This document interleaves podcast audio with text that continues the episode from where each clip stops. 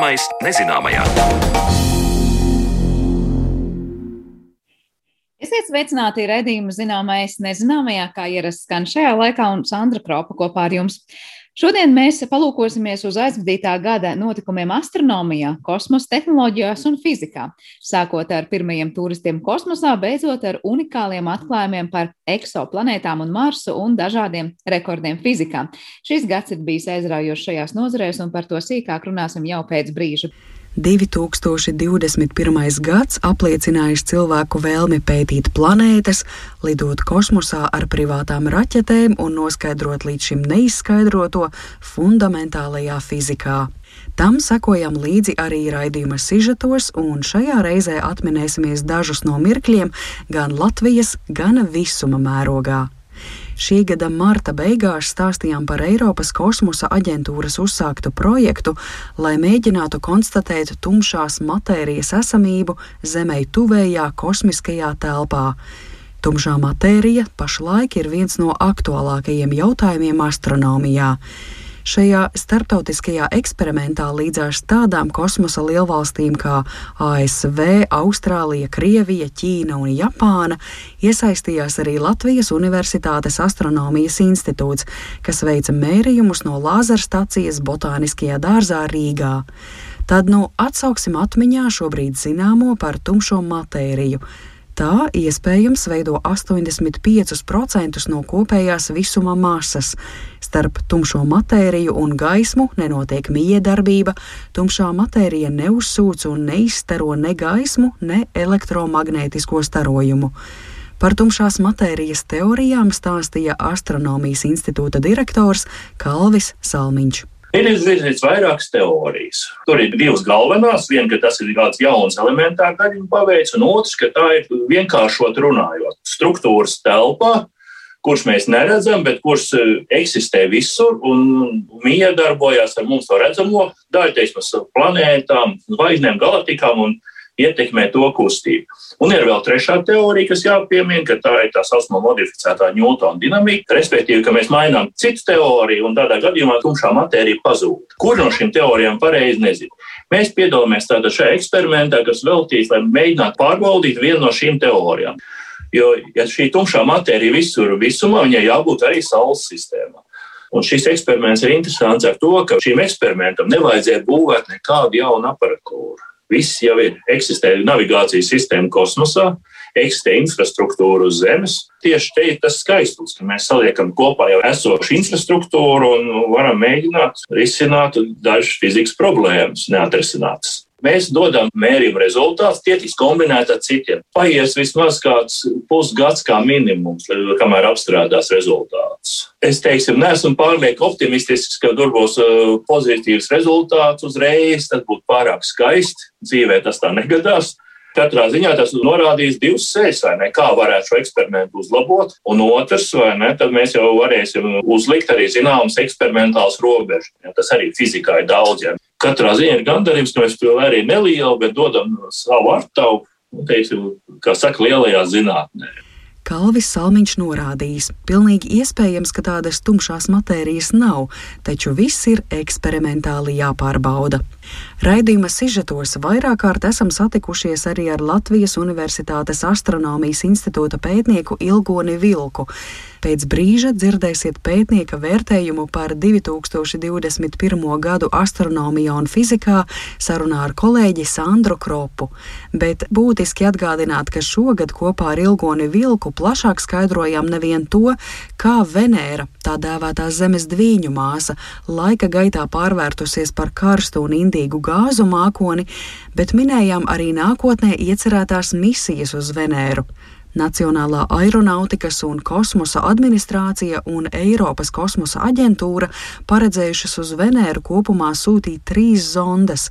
Šobrīd norit sagatavošanās darbi, zondes tiks palaistas ap 2028. vai 2029. gadu, un tā tās lidos līdz Venērai divus līdz trīs gadus. Tā ka līdz rezultātiem mums vēl jāpaciešas, bet tie būs. Piemēram, pirmo reizi tiks iegūti attēli tuvumā uz Venēras virsmas, un iespējams būs jauna informācija par to, kādā veidā no Venēras savulaik pazudis ūdens vai var būt pat okeāni. Bet atgriežoties tepat uz Zemes, šī gada maijā sarunā ar Ilgoni Vilku nevien Latvijas Universitātes astronomijas institūta pētnieku, bet arī Latvijas Universitātes muzeja ekspertu iepazīstinājām ar īstu dārgumu - zvaigžņu globusu, kas 20. gadsimta 30. gados iegādāts Latvijas Universitātes studentu mācību vajadzībām. Šī gada pavasarī restaurātore Sarmīte Balode uzsāka globusa restaurācijas procesu, un, kad tas būs galā, globus varētu kļūt par centrālo elementu Latvijas Universitātes muzeja ekspozīcijā, kas stāstītu par Latvijas astronomijas vēsturi. Restaurācijas darbus varēja uzsākt pateicoties ziedotāju atbalstam. Arī šobrīd, ielūkojoties Latvijas Universitātes fonda mājaslapā, redzams, ka ziedojumu process turpinās, lai zvaigžņu globus iemirdzētos no jauna. Vēl jau vairāk tāpēc, ka pieminēto ekspozīciju plānots izveidot 2022. gadā atzīmējot bijušās astronomiskās observatorijas simtgadi. Pirms ieraugām globusu atjaunotā stāvoklī, ieskicēsim, kas uz tā attēlots no sarunas ar Ilgoni Vilku par pašu globusu sakot, nu, mēs varam mēģināt iztēloties e, liela, nu, kopumā, teiksim, balta lode 80 cm diametrā, masīvā metāla ietverā, viņa var griezties ap asi, un uz tās ir atzīmētas e, praktiski visas neapbruņot atsredzamās zvaigznes, savilkts raksturīgās līnijas, kas raksturo attiecīgos zvaigznājus arī viņu nosaukumu, un papildus vēl lūk šīs mitoloģiskās figūras un piena ceļš, un vēl koordinātu līnijas. Nu, tāds diezgan iespaidīgs milzīgs uh, veidojums. Lieli zvaigžņu globusi ir retums. Tiesa, astronomijas entuziasti un amatieri internetā var iegādāties izmēros mazākus un pat piepūšamus zvaigžņu globusus. Ja reiz pieminēti astronomijas amatieri, tad šī gada septembrī sarunā ar Latvijas astronomijas biedrības projektu vadītāju Mārtiņu Gillu skaidrojām tieši šādu amatieru ieguldījumu zinātnē, ar kosmosa novērojumiem nākot talkā astronomijas profesionāļiem. Nozīmīgi tas, ka septembra vidū Jupitera sadursmi ar otru debesu ķermeni fiksējuši amatieri visā pasaulē. Tas gan uzskatāms tikai par astoto novēroto triecienu uz šīs planētas kopš pirmās reizes, jo būtiska ir amatieru spēja konkrētu mirkli ne tikai ieraudzīt, bet arī fiksēt. Raidījumā Mārtiņš Gils dalījās ar personīgu stāstu no studenta astronomijas amatiera laikiem. Tas bija 1994. gadā Latvijas Universitātes astronomijas turnī. Mēs tur bijām tādi vairāki studenti. Mums bija iecerē arī novērot, bija tāda šomēkara Levija komēta, kas bija sadalījusies daudzos gabalos. Viņa tā, tā kā vilciens triecās iekšā Jupiterā, bet triecieni notika Jupitera neredzamajā daļā. Un tikai pēc dažām stundām Jupiters bija rotējis tādā veidā, ka ir iespējams redzēt arī kaut kādas nelielas tumšas pleķīšas. Bet mūsu iecerē bija piefiksēt tieši trieciena brīžus, jo e, bija precīzi zināms, cikos tas notiks, un apskatīties, vai trieciena e, brīdī ir iespējams redzēt Jupitera maliņas uzliesmojumu. Mums tur kaut kas nesanāca ar laikapstākļiem. Bet uh, es sapratu, ka arī tā ar aci nemaz tik viegli nebūtu redzams. Tā kā dažādi mēģinājumi bijuši, un arī kādreiz arī pats esmu mēģinājis kaut ko piedalīties šādās lietās. Kosmosu var pētīt amatieri, to var darīt ar teleskopiem un to var darīt ar satelītiem, turklāt ar koka satelītiem. Šī gada vasarā esam stāstījuši par kosmosa kuģu atlūzām, kas radījušas bojājumus starptautiskajai kosmosa stacijai un nekontrolēti varētu krist uz Zemes. Bet oktobrī, teju kā atbilde šādai problēmai, raidījuma sižetā kļuva koka satelīts.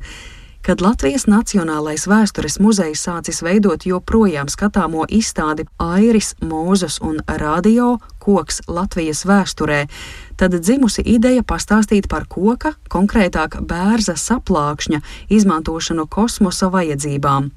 Testi ar videi draudzīgāku, lētāku un vieglāk izmantojamu koka satelītu palaišanu Zemes stratosfērā ar gaisa balonu palīdzību līdz šim jau veikti Somijā, un šī gada nogale iezīmējas ar koka satelīta reālu palaišanu kosmosā.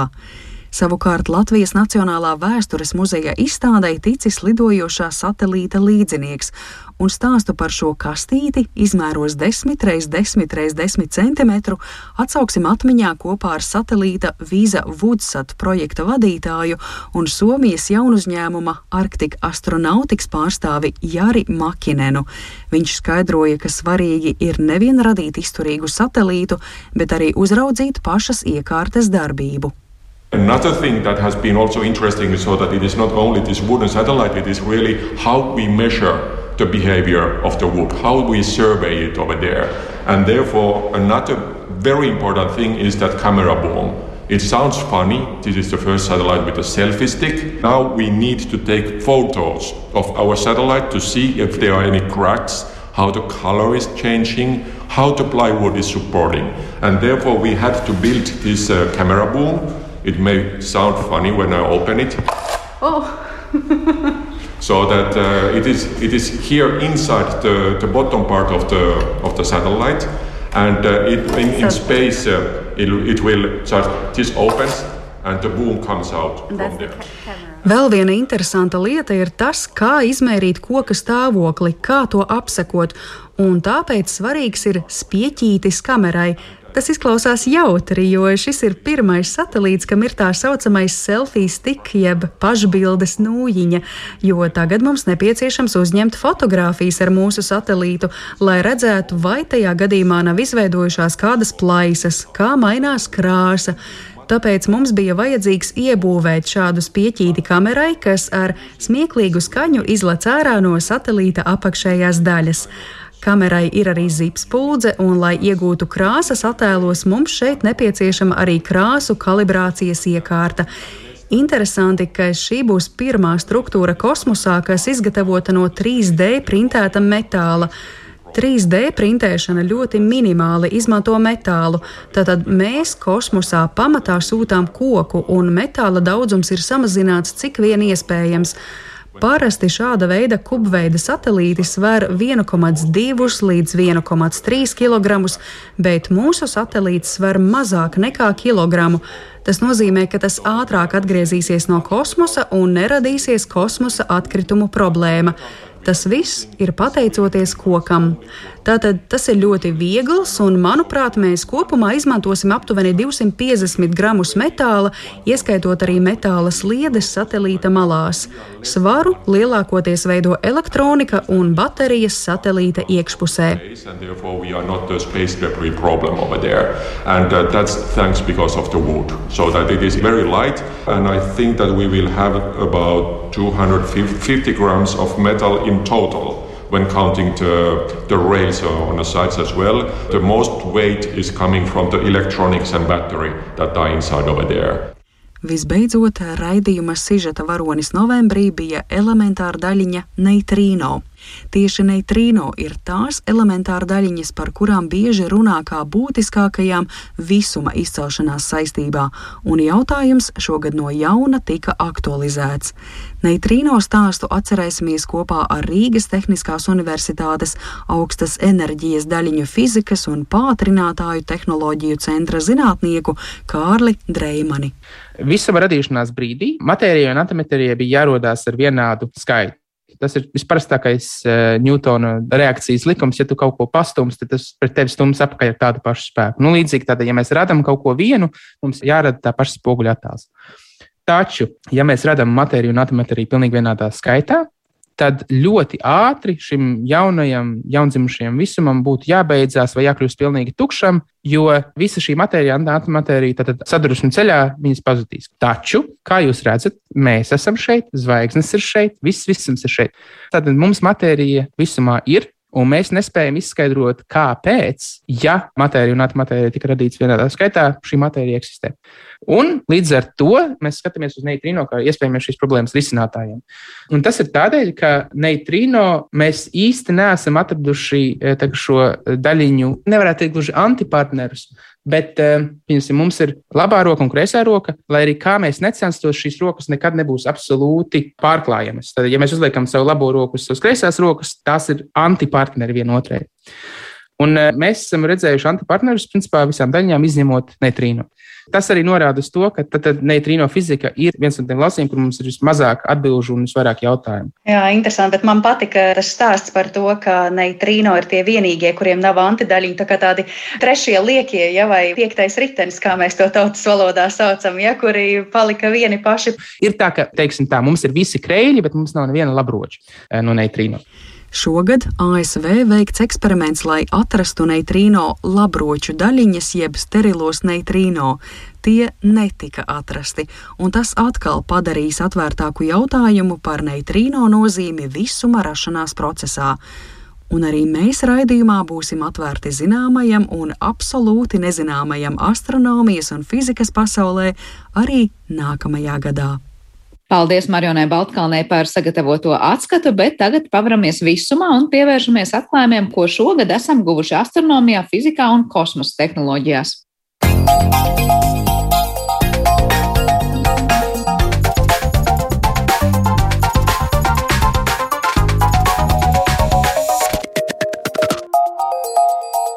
Zināmais nezināmajā.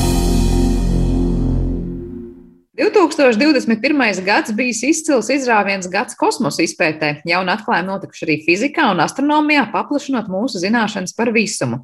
Par aizvadīto gadu šajā jomā runāsim tad turpmākajās raidījuma minūtēs ar mūsu viesiem. Un šodien pie mums viesojas astronomijas entuziasts Raitas Misa, Latvijas Universitātes astronomijas institūta pētnieks Ilgons Vilks, kā arī Tukuma ģimnāzijas fizikas skolotājs Valdis Dzuters. Labdien jums visiem! Labdien! Labdien. Labdien. Vispirms sākšu, varbūt, jā, kas katram ir jūsu tāds notikuma topa augšgalā, ja atskatītos uz 2021. gadu, nu vai nu vairāk fizikā vai vairāk astronomijā, bet, nu, kā zināms, šīs jomas mums ļoti bieži pārklājas. Es varbūt sākšu ar Ilgoni, kas ir jūsu tie notikumi aizvadāmajā gadā. Nu, jomas jau ir daudz un dažādas, un ja tā ejam no tuvākā uz tālāko, tad eh, es gribētu pieminēt vienu meteorītu, pakavēties pie Marsa, kādām pāris komētām, eksoplanētām un, protams, melnējiem caurumiem caurumiem. Jā, tas diezgan uh, pamatīgs pieteikums, jo laikam par katru no tēmām var runāt daudz, bet nu, katrā ziņā jūs teikt, ka gads ir bijis tāds ļoti notikumiem un panākumiem bagāts astronomijā. Nē, neteiktu gan astronomijā. Tas bija diezgan uh, parasts gads. Uh, lūk, tad jau drīzāk kosmonautikā bija vairāk visādi interesanti notikumi. Nu, uh, Viena no svarīgākajām lietām norisinājās uh, nu, burtiski nesen, un tā vēl nav savas pēdas atstājusi. Tā ir Džeimsa Veba kosmiskā teleskopa palaišana. Bet par to droši vien runāsim nākamgad. Jā, par to, protams, mēs vairāk runāsim, bet to, ka nu, palaišana ir ilgi gaidīta un notikuši, tas arī, protams, priecējuši fakts. Labi, vairāk parunāsim par pieteiktajām komētām un melnajiem caurumiem un daudz ko citu jau tad raidījuma gaitā, bet raiti varbūt kādi būtu tie notikumi, kuriem noteikti nu, vērtētu to aizvadāmo gadu astronomijā, kosmoloģijā. Nu, drīzāk varētu teikt par pilotējamo kosmosa apgūvi būtu tie interesantākie temati, par ko varētu runāt. Un tur ir uzreiz trīs lietas, kas ir ir dev, devies uh, pirmais uh, suborbitālā lidojumā, pirmais turists, kas ir par to samaksājis. Tas ir pirmais notikums, kas ir noticis šogad. Tad ir uh, devusies pilnībā civila, civila uh, ekipāža orbitālā lidojumā. Un ir uh, uzņemta laba tiesa mākslas filmas starptautiskajā kosmiskajā stacijā. Tas būtu tas trešais notikums, ko būtu vērts uh, iezīmēt, ja runa par pilotējumu kosmosa apgūvēju. Mākslas filmas tieši no kosmosa stācijas. Ja? Tieši kosmosa stācijā tika safilmēts materiāls jā, mākslas filmai. Uh, tas no manas puses. Kad mēs to varēsim redzēt un par ko tā ir, vai tas ir zināms? Tu, tas ir zināms, jau tā ir filma. Tātad Roskosmos uh, sadarbībā ar Krievijas studijām. Neatceros precīzi, kā tā studija sauc. Uh, projekts, kurā ideja ir tāda, ka vienam kosmonautam ir uh, veselības problēmas tādas, ka viņš nav spējīgs izturēt atgriešanos uz Zemes. un ir nepieciešams veikt orbītā, kosmiskajā stacijā ķirurģisku operāciju. Un, lai to veiktu, uz staciju dodas ķirurgs, profesionāls ķirurgs. Un tā ir tā filmas ideja. Un kad viņi varēs redzēt, nu, gan jau ka nākamgad, ja godīgi nezinu, bet es domāju, ka gan jau ka nākamgad viņi pabeigs, jo tas materiāls, kas uzņemams, kas bija uzņemams stacijā, jau ir uzņemts. Atliek uzņemt materiālu zemes, samontēt un rādīt skatītājiem. Nu, ko nepacietīgi gaidīsim materiālu, bet parasti Jā. tā vismaz redzam filmās, pēc tam realitātē visus šos notikumus. Es nezinu, vai mēs cerams, ka visiem kosmonautiem tur um, stacijā viss būs labi ar veselību un nekādas tādas nu, situācijas piedzīvot reālajā dzīvē mums tuvākā laikā nevajadzēs. Valde, kā ir ar fiziku un kādi ir tie tam notikumi? Jā, droši vien. Tu ļoti labi eh, pieminēji mani notikumi, jo droši vien, ka skatoties par interesantākajiem notikumiem vai svarīgākajiem, katram ir tā skala, eh, nu, kurus uzskata par svarīgiem vai interesantiem. Un droši vien, ka tajā brīdī, kad es skatos uz fizikas notikumiem, tad es skatos ar to pedagoģisko prizmu, eh, kā es to varu pasniegt saviem skolēniem un vispār arī sabiedrībai, kas varbūt nav tā kā nu, fiziķi. Ja? Tā kā droši vien, ka varbūt mans tops atšķirsies no, no fiziķu, tīrā fiziķu topa, ja, kas strādā zinātnē, bet es domāju, ka es novērtēju, ka notikumi ir bijuši gan fiziķiem, gan arī man kā no pedagoģiskā punkta diezgan daudzi. Un, jā, es vērtēju pēc tā, ko es varu skolēniem stundās iedot vai pieminēt. Un, un šogad ir krituši daži rekordi, piemēram, augstuma rekords, cik ļoti zem var atdzesēt, kas man bija jānomaina skolā slaids, kad es par to runāju, kāda ir sasniegta zemākā temperatūra, vai, vai piemēram, tas, cik maziem objektiem ir izmērīts gravitācijas lauks, mēs runājam par gravitāciju un, un arī par lāzeriem, un, un ir krituši dažādi rekordi, kurus noteikti arī arī laika gaitā pieminēšu, piemēram, cik, cik lāzeri ir panāks, ka strādā kopā, lai izveidotu nu, vienu lāzeru stāvu. Ja? Tā kā tādi interesanti. Uh, nu, tādas interesantas lietas, uh, kas varbūt nav nekas tas ļoti milzīgs, ja, bet to ļoti labi var, uh, var arī pasniegt skolēniem. Un, piemēram, arī tas, kas varbūt uh, nav tieši ar fizikas atklājumu, bet piemēram tas, ka Latvija teikt, ir kļuvusi par, par CERN asociēto dalību valsti. Tas nozīmē, ka šīs karjeras, arī fizikas izglītības karjeras, ir šis gads atnesis nu, tādu Latvijai tādu uh, vienu lielu soli uh, uz, uz priekšu. Ja mēs ne tikai no Latvijas perspektīvas skatāmies, nu, piemēram, pieminētais tikko cerns, vai tur kaut kas nozīmīgs un interesants šajā gadā ir noticis, tad patiesībā jautājums visiem no jums, ja vēlaties ko komentēt, vai ir kaut kas tās fizikas lauciņā, kas varbūt būtu ievērības cienīgs. Varbūt valdes sākšu ar tevi. Es, es tieši gribēju teikt, ka es varētu sākt, lai pārējiem man nenozog, ko teikt, jo Jo nu, tā fizika un astronomija ļoti daudz kur pārklājās, un tāpēc mums te jāķer tā, lai, lai, lai nepaņem otra, otra sakāmu. Atkal tieši no varbūt šīs te. Um, nu, pedagoģiskā skatu punkta, kas man liekas tādi interesantākie. Protams, ka tur ir atklātas kaut kādas jaunas daļiņas, jā, kas, manuprāt, man, piemēram, neliekas vairs interesanti. Jā, nu, atklājām tur vienu, divas, desmit, tur jau laikam ir pie 60. Jā, tādi notikumi arī ir bijuši. Bet tas, kas man uh, ļoti nu, likās interesants, ir tas, ka pirmo reizi uh, tika uh, atdzesāts anti-ūdeņradis. Un uh, no, atkal no tā skatu punkta, kāpēc mums liekas interesanti, tāpēc, ka pirmkārt antimatērija, ja, kas ir mūsu parastā matērija, tikai ar nu, pretējām īpašībām, tajās īpašībās, kurām var būt pretējās īpašības. Tad nu, māsa ir tāda pati, kad, piemēram, nu, lādiņš ir, ir pretējs, ka pirmkārt ir ļoti grūti antimatēriju, nu, strādāt ar antimatēriju, ja, jo Jo tiklīdz tā saskarās ar parasto matēriju, tā mums ir anihilācija un izdalās enerģija. Tad viens ir grūtības šo antimatēriju vispār darboties ar to. Bet otrs izaicinājums, kas pie, nāca klāt, ir atdzesēt šo antimatēriju un tad šajā gadījumā antiūdeņradi, kas ir izdevies. Ja? Tur ir divi, divi šie faktori - antimatērija un tāda atdzesēšana, cik ļoti to var izdarīt. Tā ir viena lieta, kas man ar, ar cārnu mm, saistās. Un otra, kas, manuprāt, arī ir labs nu, tāds, fakts vai notikums, nu, kā tad mēs laik domājam, ja viņi tur kaut kādas daļiņas meklē, kaut kādas anti-ūdeņražas, nu, kas ikdienas cilvēkam no tā, jā. Un tieši šajā cenu gada apskatā man ļoti piesaistīja tas, ka, ka tur tika minēts, ka izmantojot nu, tās tehnoloģijas, ko cenas attīsta, ka teikt jau Eiropas slimnīcās ir nonākuši pirmie, pirmie rengēna aparāti, kā tad, kur var iegūt jau tātad trīsdimensionālu un krāsainu attēlu, tad jau ar, ar paplašinātām iespējām. Man liekas, tas ir tāds labs, ko es saskatu no CERN šī gada sasniegumiem. Jā, tad ar praktisko pielietojumu. Uh, Ilga, vai būs kas piebilstams par CERN sasniegumiem? Nē, nebūs. es gaidu, tad, kad viņi atsāks eksperimentus par to, kādas īpašības ir antimatērijai, vai tā, kāda ir tās gravitācija, vai tā pievelkās, vai kaut kādas dīvainības iespējams. Šie eksperimenti vēl nav veikti, ļoti gaidu. Un tie atliekam arī uz nākamo gadu, tad solās būt vai nu, vai nākamo, vai, vai varbūt aiznākamo. Jā, tad par to mēs visticamāk runāsim kādā no citām reizēm. Bet, ja mēs runājam par tiem astronomijas un, kā jūs teicāt, nu, precīzāk, varbūt kosmoloģijas, varbūt nu, tiem veiksmes stāstiem šajā gadā, nevēl piesaucāt Marsu.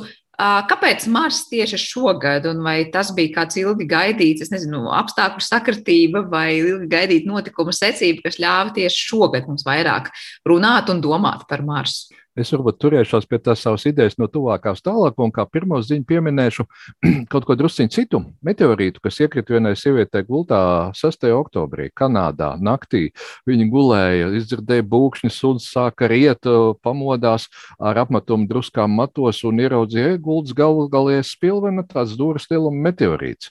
Tā kā kosmos reizēm klavē pie mūsu durvīm, bet uzreiz grib visus nomierināt ka neviens cilvēks nav gājis bojā no meteorīta trieciena visās mums zināmajā vēsturē. Bet par Marsu, jā, tur nonāca veseli trīs aparāti. Gan mm, amerikāņu, gan arābu, gan arī, kas tur bija trešais? Ķīniešu, ķīniešu. Jā, pareizi, ķīniešu. Bet viņi nav tā īpaši par sevi devuši zināt. Nu, taisnība, mēs esam izlutināti ar ziņām no Marsa. Um, varbūt tāda interesantākā ziņa atskanēja tagad, gada beigās, proti, ka šis perseverance aparāts braukā pa tādu jezero, kas nozīmē ezers eh, krāteri, kur kādreiz tiešām ir bijis ezers un upe, un to apstiprināja, ka no kosmiskie uzņēmumi viena lieta, bet uz vietas arī, ka tur ir bijuši plūduši ūdeņi daudzkārt, un vēl apstiprināja, ka tur apakšā toties ir pamatīga lavas gultne, nu sacietējusi lava, tātad kādreiz ir bijuši lieli izvirdumi.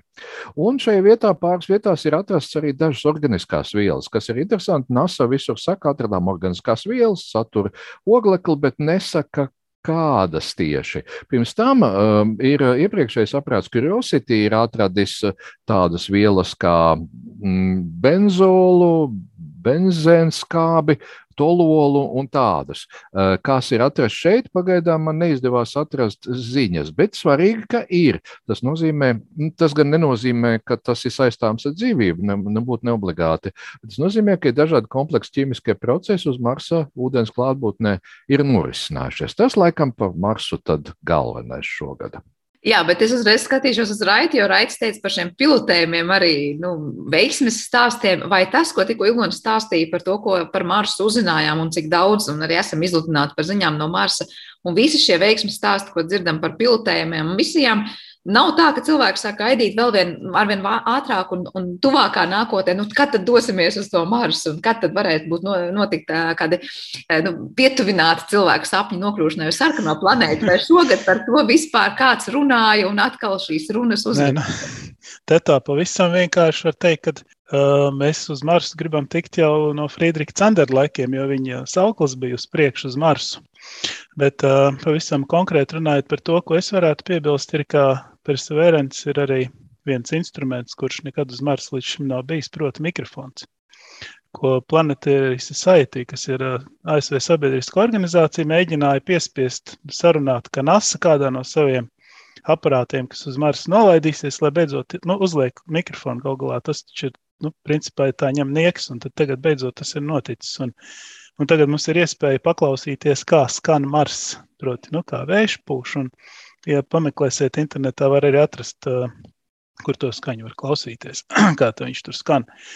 Jā, par to jau mēs esam runājuši, bet, protams, ka šis gads ir arī brāļu raita moments. Uz Marsa, proti, ir noticis pirmais lidojums planētas atmosfērā, kas nav Zeme, proti, Marsa atmosfērā ir pacēlies šis uh, Ingenuity helikopters veids lidojums, un viņš ir pārsniedzis savas uz viņu liktās cerības un viņa projektēto dzīves eh, to laiku vairāk kārt un pamatīgi, jo bija domāts, ka eh, viņš kalpos kaut kādus 4-5 lidojumus, kā pamēģināt, tikai kā demonstrācija, kā tehnoloģija demonstrācija. Bet faktiski šobrīd viņš kalpo kā skauts, kurš lido līdz šim visurgājējiem. Un, uh, pirmkārt uzņem bildes, ko visur gājējis nevar, jo viņš jau nevar visur aizlidot, viņš tikai var braukt. Un otrs arī palīdz maršrutu plānošanā, kur braukt tālāk, izvēloties optimālu ceļu, pa kuru šim visur gājumam doties, izvairoties no akmeņiem vai gluži otrādi pie kāda interesanta akmeņa piebraucot. Un, uh, Viņš pārdzīvoja arī šo nu, komunikāciju pauzi, kas rodas uh, planētām, sastojoties tā, ka mēs esam saules un mēs nespējam veikt radio sakarus. Viņš tas helikopters šo laiku ir pārdzīvojis un turpina lidot un turpina kalpot kā šis skauts priekš šī visur gāja, kas ir interesanti. Bet tas nāks, tas helikopters tur paliks vēl uz ilgu laiku, ja? Nu, viņš ir tā, pavisam paņems, paliks uz visiem laikiem, bet viņš kādu laiku vēl kalpos. Gadījumā, jā. jā, ar izmantošanas mūžu viņam ir krietni garāks nekā bija plānots, jā. Mm -hmm. uh, Ilgons pirms brīža runāja par arī eksoplanētām. Nu, vai šogad esam uzzinājuši kaut ko, ko ilgi gaidījām, kādu planētu, kas īpaši varbūt cerīgi izskatās no tajā, kā mēs meklējam Zemē līdzīgākas vai dzīvībai piemērotākas vietas.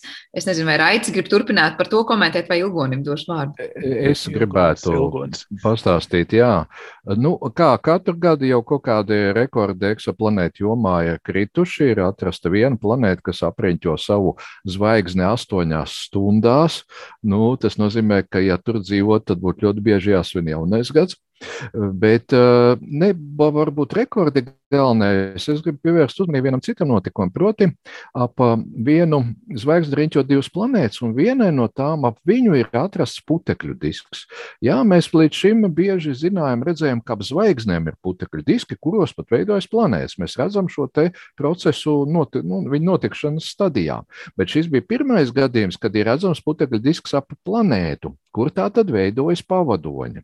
Tas pagaidām ir vienīgais, bet tas ir svarīgs solis, jo mums ir teorijas par to, kā veidojas Saules sistēma, kā veidojās citas planētas sistēmas, un tagad ir arī lūk, acīm redzams pierādījums, ka šī teorija ir pareiza. Ja?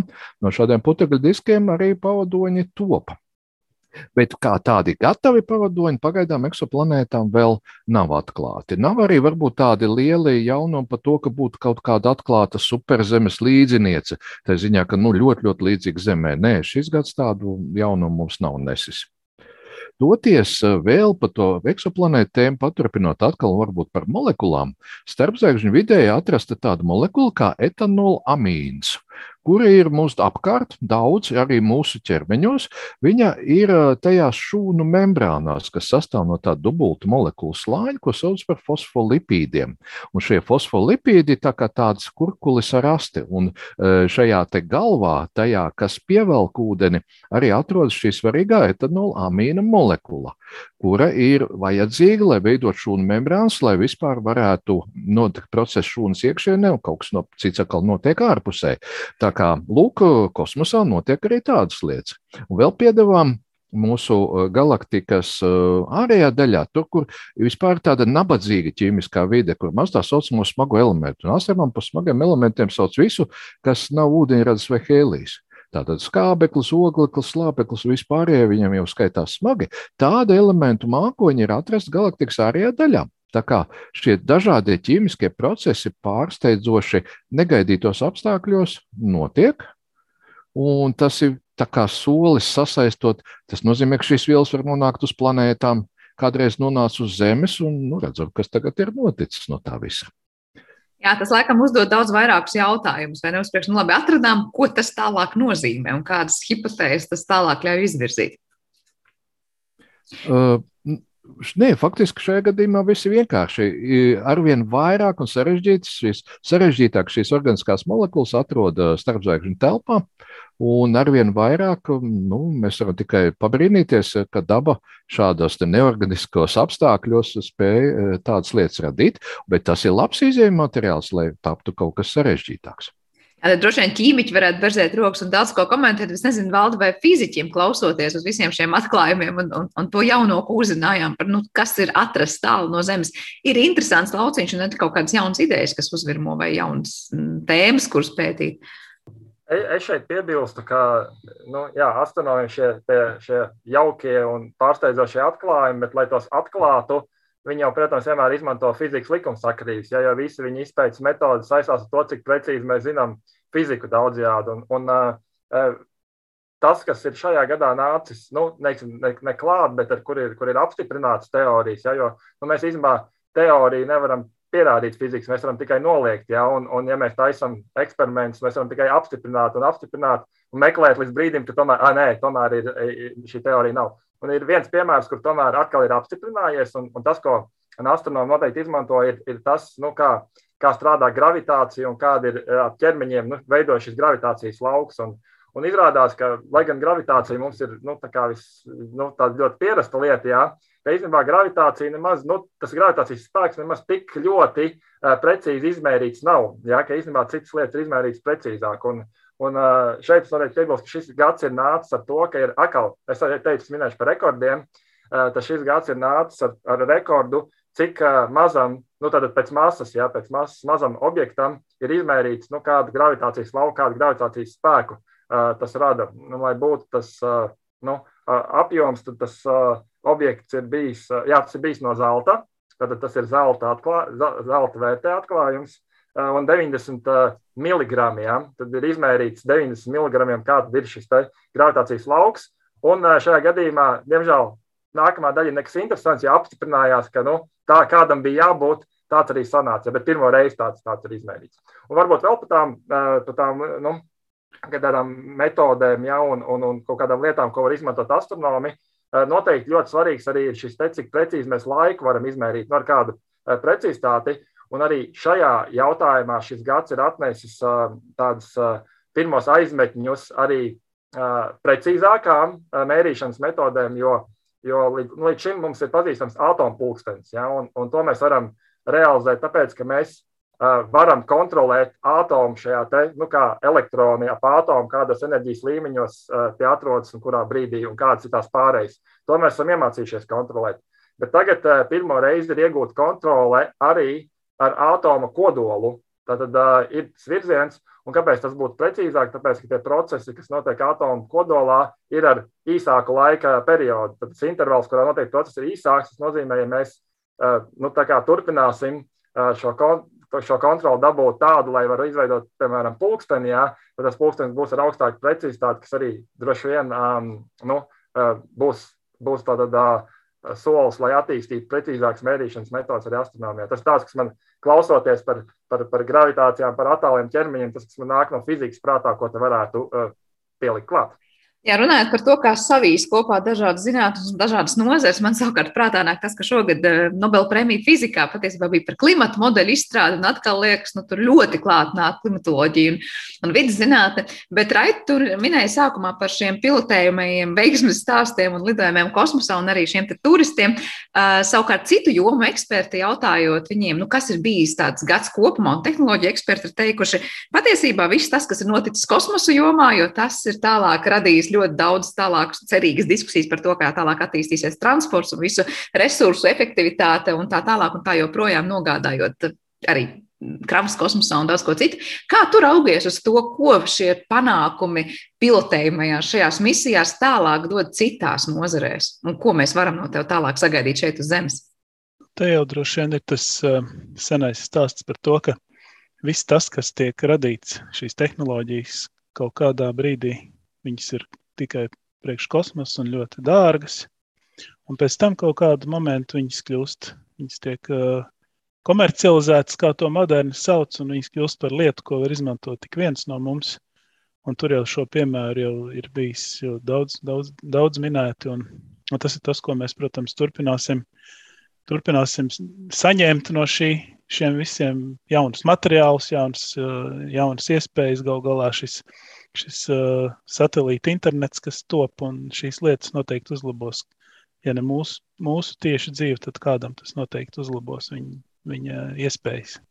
Mēs tad, kad runājām gada laikā par šiem notikumiem un par šīm misijām, un to, ka nu, beidzot liekas, tiešām kosmosa turisms spērs lielu soli uz priekšu, patiesībā nu, mūsu pašmāju eksperti teica, nu, tas tāpat vēl ir tāls sapnis tādam, kā saka, nu, vidējam cilvēkam. Tas stāsts ir par ļoti, ļoti nu, ekskluzīvu publiku, kas varbūt to varēs atļauties. Es pareizi saklausu, ka visi šie veiksmes stāsti par došanos kosmosā un kosmosa turismu patiesībā ir veiksmīgi arī tīri tāpēc, ka mēs iegūstam šeit uz Zemes dažādas tehnoloģijas tehnoloģijas un labumus, ko lietot ikdienas dzīvē.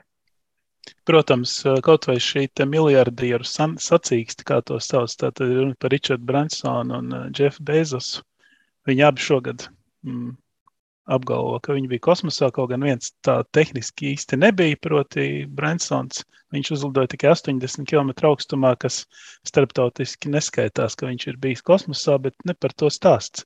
Stāsts par to, ka viņiem ir šīs tehnoloģijas, šīs iespējas, ko ir izveidojuši privāti uzņēmumi, un viņi šo lidojumu varēja veikt.